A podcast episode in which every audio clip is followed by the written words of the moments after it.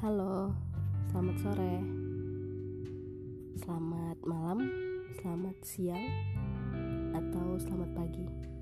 Pokoknya, kapan pun kamu mendengarkan podcast ini, hari ini tepatnya tanggal 22 April 2020. Selamat Hari Bumi, saya ucapkan untuk kalian semua. E, berbicara tentang pada saat ini, pada masa social distancing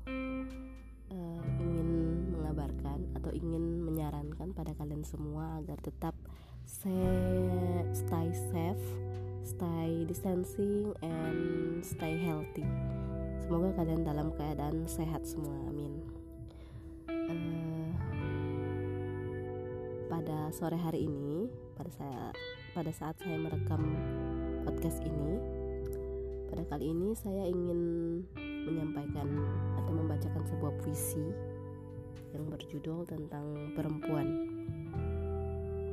Oke, kita mulai. Tentang perempuan.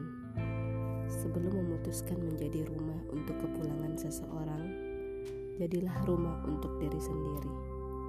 Perempuan diciptakan istimewa. Begitu luas ruang pengabdiannya, begitu luas ruang penerimaan dalam hatinya.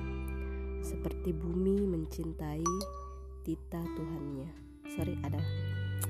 Aduh, maaf ya seperti bumi mencintai tita Tuhannya. Perempuan